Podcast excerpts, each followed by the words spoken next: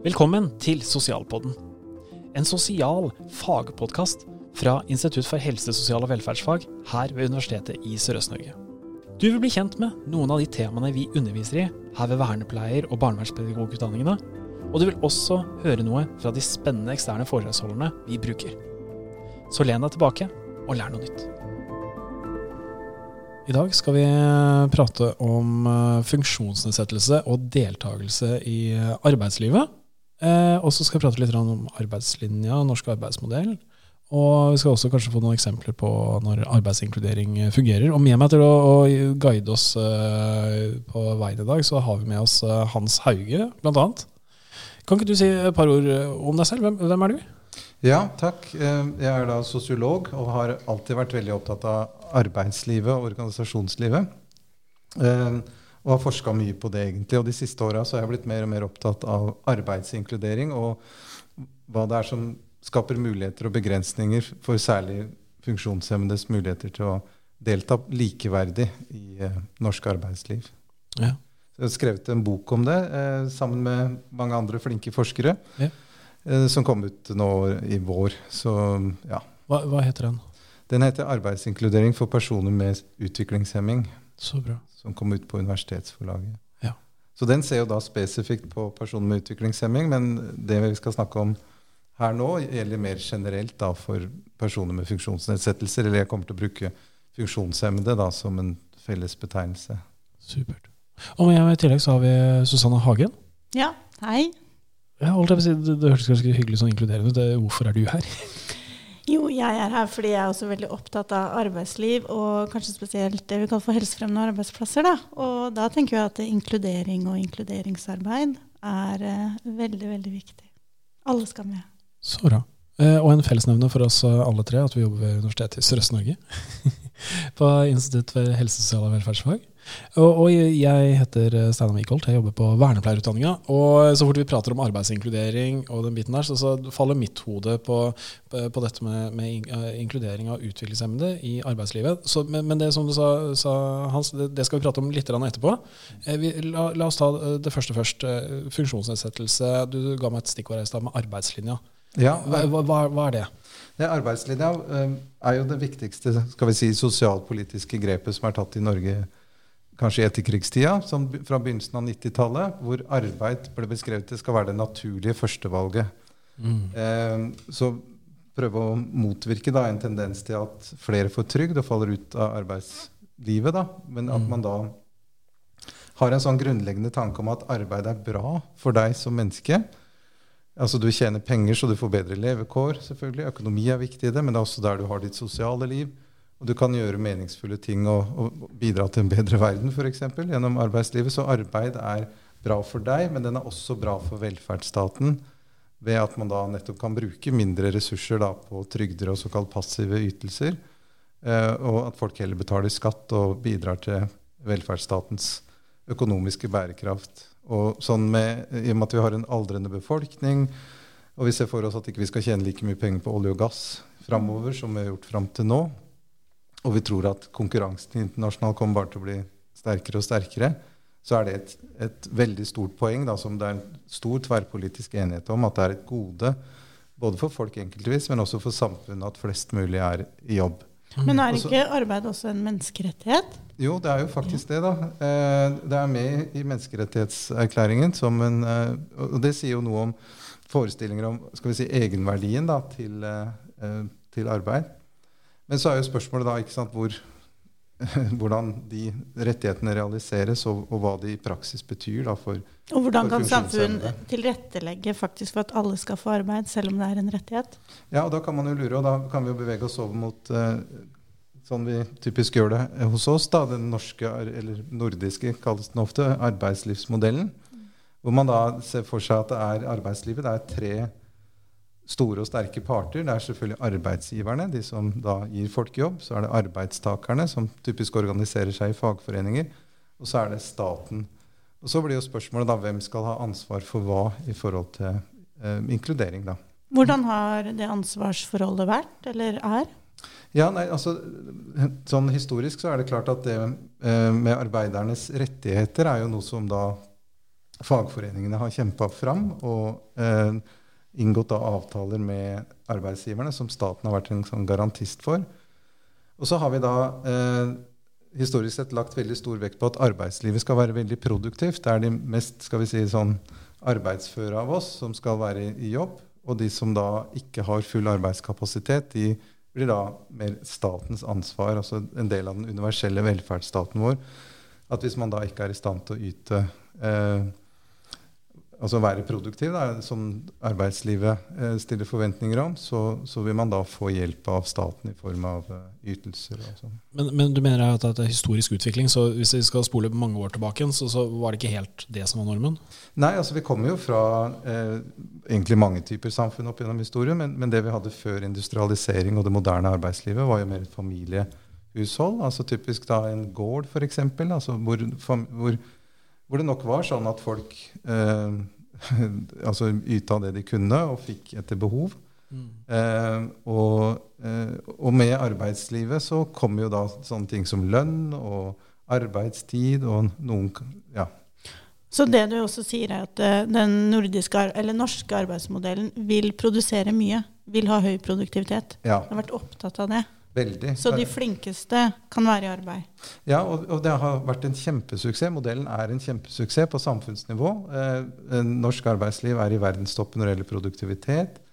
Eh, og den er fordi da samarbeidet fører til såkalt kalde konflikter istedenfor ville streiker og sånn, så forhandler man seg stort sett fram til enighet, og staten griper inn hvis streikene ser ut til å få negative konsekvenser for helse og, og sikkerhet f.eks. Eh, så, er det en, en, modell, en måte å løse eh, problemer i arbeidslivet på, som gjør at vi takler f.eks. sånn som finanskrisa eller pandemien veldig veldig godt. Da, da, finner partene fort sammen og blir enige om gode løsninger.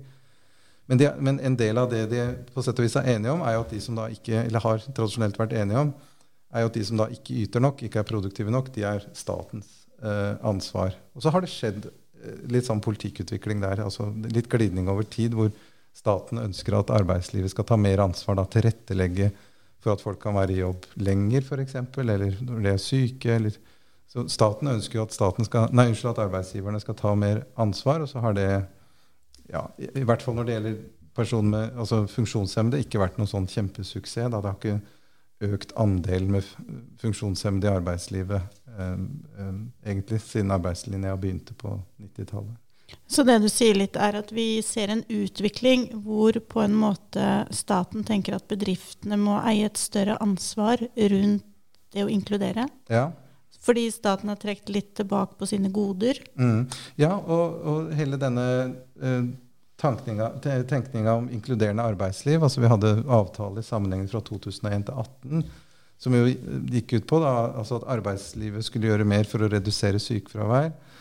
For at folk skulle stå lenger i jobb før de pensjonerte seg. Og delmål to gikk da på å øke andelen personer med funksjonsnedsettelser i arbeidslivet. Og det hadde man ingen suksess med. Særlig det, det målet gikk det veldig dårlig med. Det gikk litt bedre med sykefravær og, og såkalt seniorpolitikk da, i arbeidslivet. Men veit man hvorfor det ikke har fungert? Nei, det, altså det er eh, ikke sånn med to streker under svaret, men, men, det er klart eh, Her vil jeg egentlig sånn legge vekt på hvilke fortellinger man har om, om, arbeidslivet. Hva man tar for gitt. Altså, nå har vi jo lenge tatt for gitt eh, med en samlebetegnelse og spissformulert at arbeidslivet er i ferd med å bli mer brutalt. altså Det brutaliseres. Altså det, man ser for seg at det blir færre jobber til de som ikke har utdanning.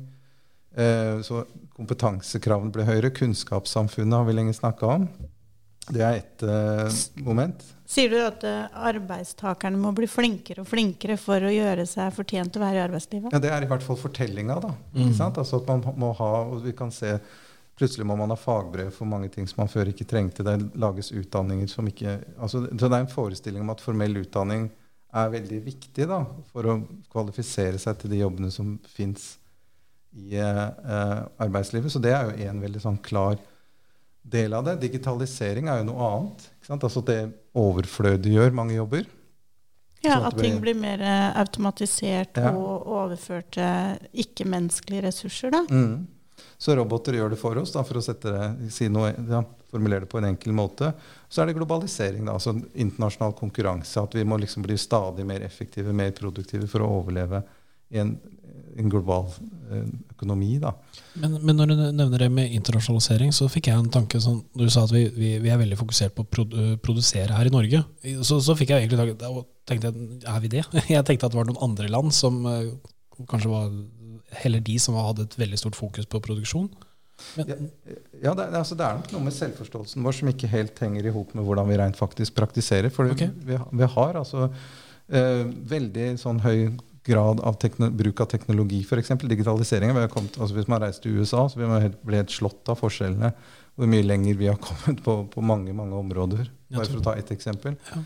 Så, uh, og, um, ja, og, og egentlig altså, Det er en sånn vi tenker at vi er trauste og veldig opptatt av likhet, og ingen skal skille seg ut. og sånn, men, men, vi har alltid hatt virksomheter som har vært utsatt for konkurranse på verdensmarkedene. altså Det er tømmerlast eller skipsbygging eller olje og gass. altså Det er fiske. altså Så, så det er store deler av norsk økonomi er liksom ja, sånn uh, Avhengig av det internasjonale liksom, feltet? Ja, ja, ikke sant? Og, og, ja, rett og slett altså en såkalt litt sånn åpen økonomi. da. Vi er avhengig, vi hva som skjer i verden rundt oss, har betydning for oss. Og det er litt det du snakker om. Hvis det lages en fortelling som handler om et brutaliserende arbeidsliv, så er det den fortellinga? Ja, at det, det, på sett og vis er nødvendig. Altså vi, vi, kan synes det er synd og leit og trist og alt dette her, dumt, men, men, det bare er sånn, på en måte. ikke sant? Altså Litt sånn det bare er sånn. Det er sånn arbeidslivet med nødvendighet utvikler seg. Men så er det jo andre fortellinger som er mulige, og som flere er opptatt av å fortelle. og, og en sånn hvis brutalisering er på en måte én overskrift, så kan bedrifters samfunnsansvar være en annen overskrift. Men Er det noen eh, bedrifter som er opptatt av samfunnsansvaret sitt? Ja, og, det, og det også, der også kan vi gå tilbake i historien og se altså det første velferdsstatslignende eksperimentet som noen gang eh, ble skapt, ble jo skapt i England, i en by rundt et kullgruvesamfunn f.eks. Så det at private tar initiativ sånn, Nå sitter vi jo i Telemark. da, Her har jo Hydro eh, gjort utrolig mye for velferden til sine ansatte. Altså om det er å bygge en taubane. Tenk på Rjukan. Rjukan, ikke sant? Taubane opp på fjellet. Krossobanen f.eks. Men også sånn generelle velferdsordninger og egentlig ganske sånn lave krav til produktivitet. Altså, det er en sånn stående vits i Grenland fra gammelt av var jo liksom hvor mange jobber på Hydro liksom, på Hydro på Herøya. Og da svaret på det var ca. halvparten. Så, så, så, det var liksom en sånn så, Ok, nå fins det Grenland. ja, nei, nei, absolutt ikke. Altså, tvert imot. ikke sant? For det, det, var i realiteten en, en, arbeidsplass som du kunne litt komme som du var. og ja. Ja, Yte etter det du kunne. Nettopp. Ja. ikke sant? Så, det at private har tatt ansvar, det, det har ikke vært noe uvanlig gjennom historien. men på 80-tallet, altså hvis vi tenker på sånn uh, Wall Street, den filmen hvor, med Gordon Gekko da, som sier 'greed is good'. altså Alt handla om å skaffe mest mulig penger til, til, de som eide aksjer. Mer og mer profitt. Mer og mer profitt. Så, så, er egentlig arbeidslivet, næringslivet, har, har, gått videre fra det og så er opptatt av å ta også miljømessig ansvar for eksempel, og sosialt ansvar. Så for omdømmet til en virksomhet er det viktig ikke bare å tenke profitt, men også hvilke konsekvenser er det vi gjør for miljøet og for Eh, og sosialt da, for samfunnet. Hvilke fordeler er det for en bedrift når vi er ute etter at man skal ansette aktivt mennesker med funksjonsnedsettelser? Ja, Det er jo et stort spørsmål. da, for Det er jo mange fordeler. Men, men øh, hvis vi tenker sånn En åpenbar fordel er jo at øh, Man kan tenke på det som en anledning til å gå litt gjennom hva er det vi nå betaler folk for å gjøre. Altså Hvilke oppgaver er det vi gjerne skulle ha løst, som vi ikke får løst. Altså Et eksempel som vi har eh, forska på, er jo i sykehjem. Der er det sånn at eh, sykepleierne og, og de helsefagspersonellet eh, løper jo stadig mer og mer for å rekke å liksom, gjøre nødvendig stell og pleie, altså gi nødvendig ja, omsorg.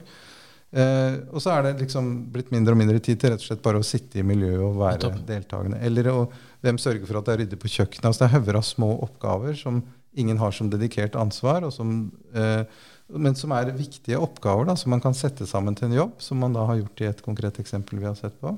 Eller som det å være portør, på en måte å transportere ja. pasienter innbyrdes mm. i bygningen. Da.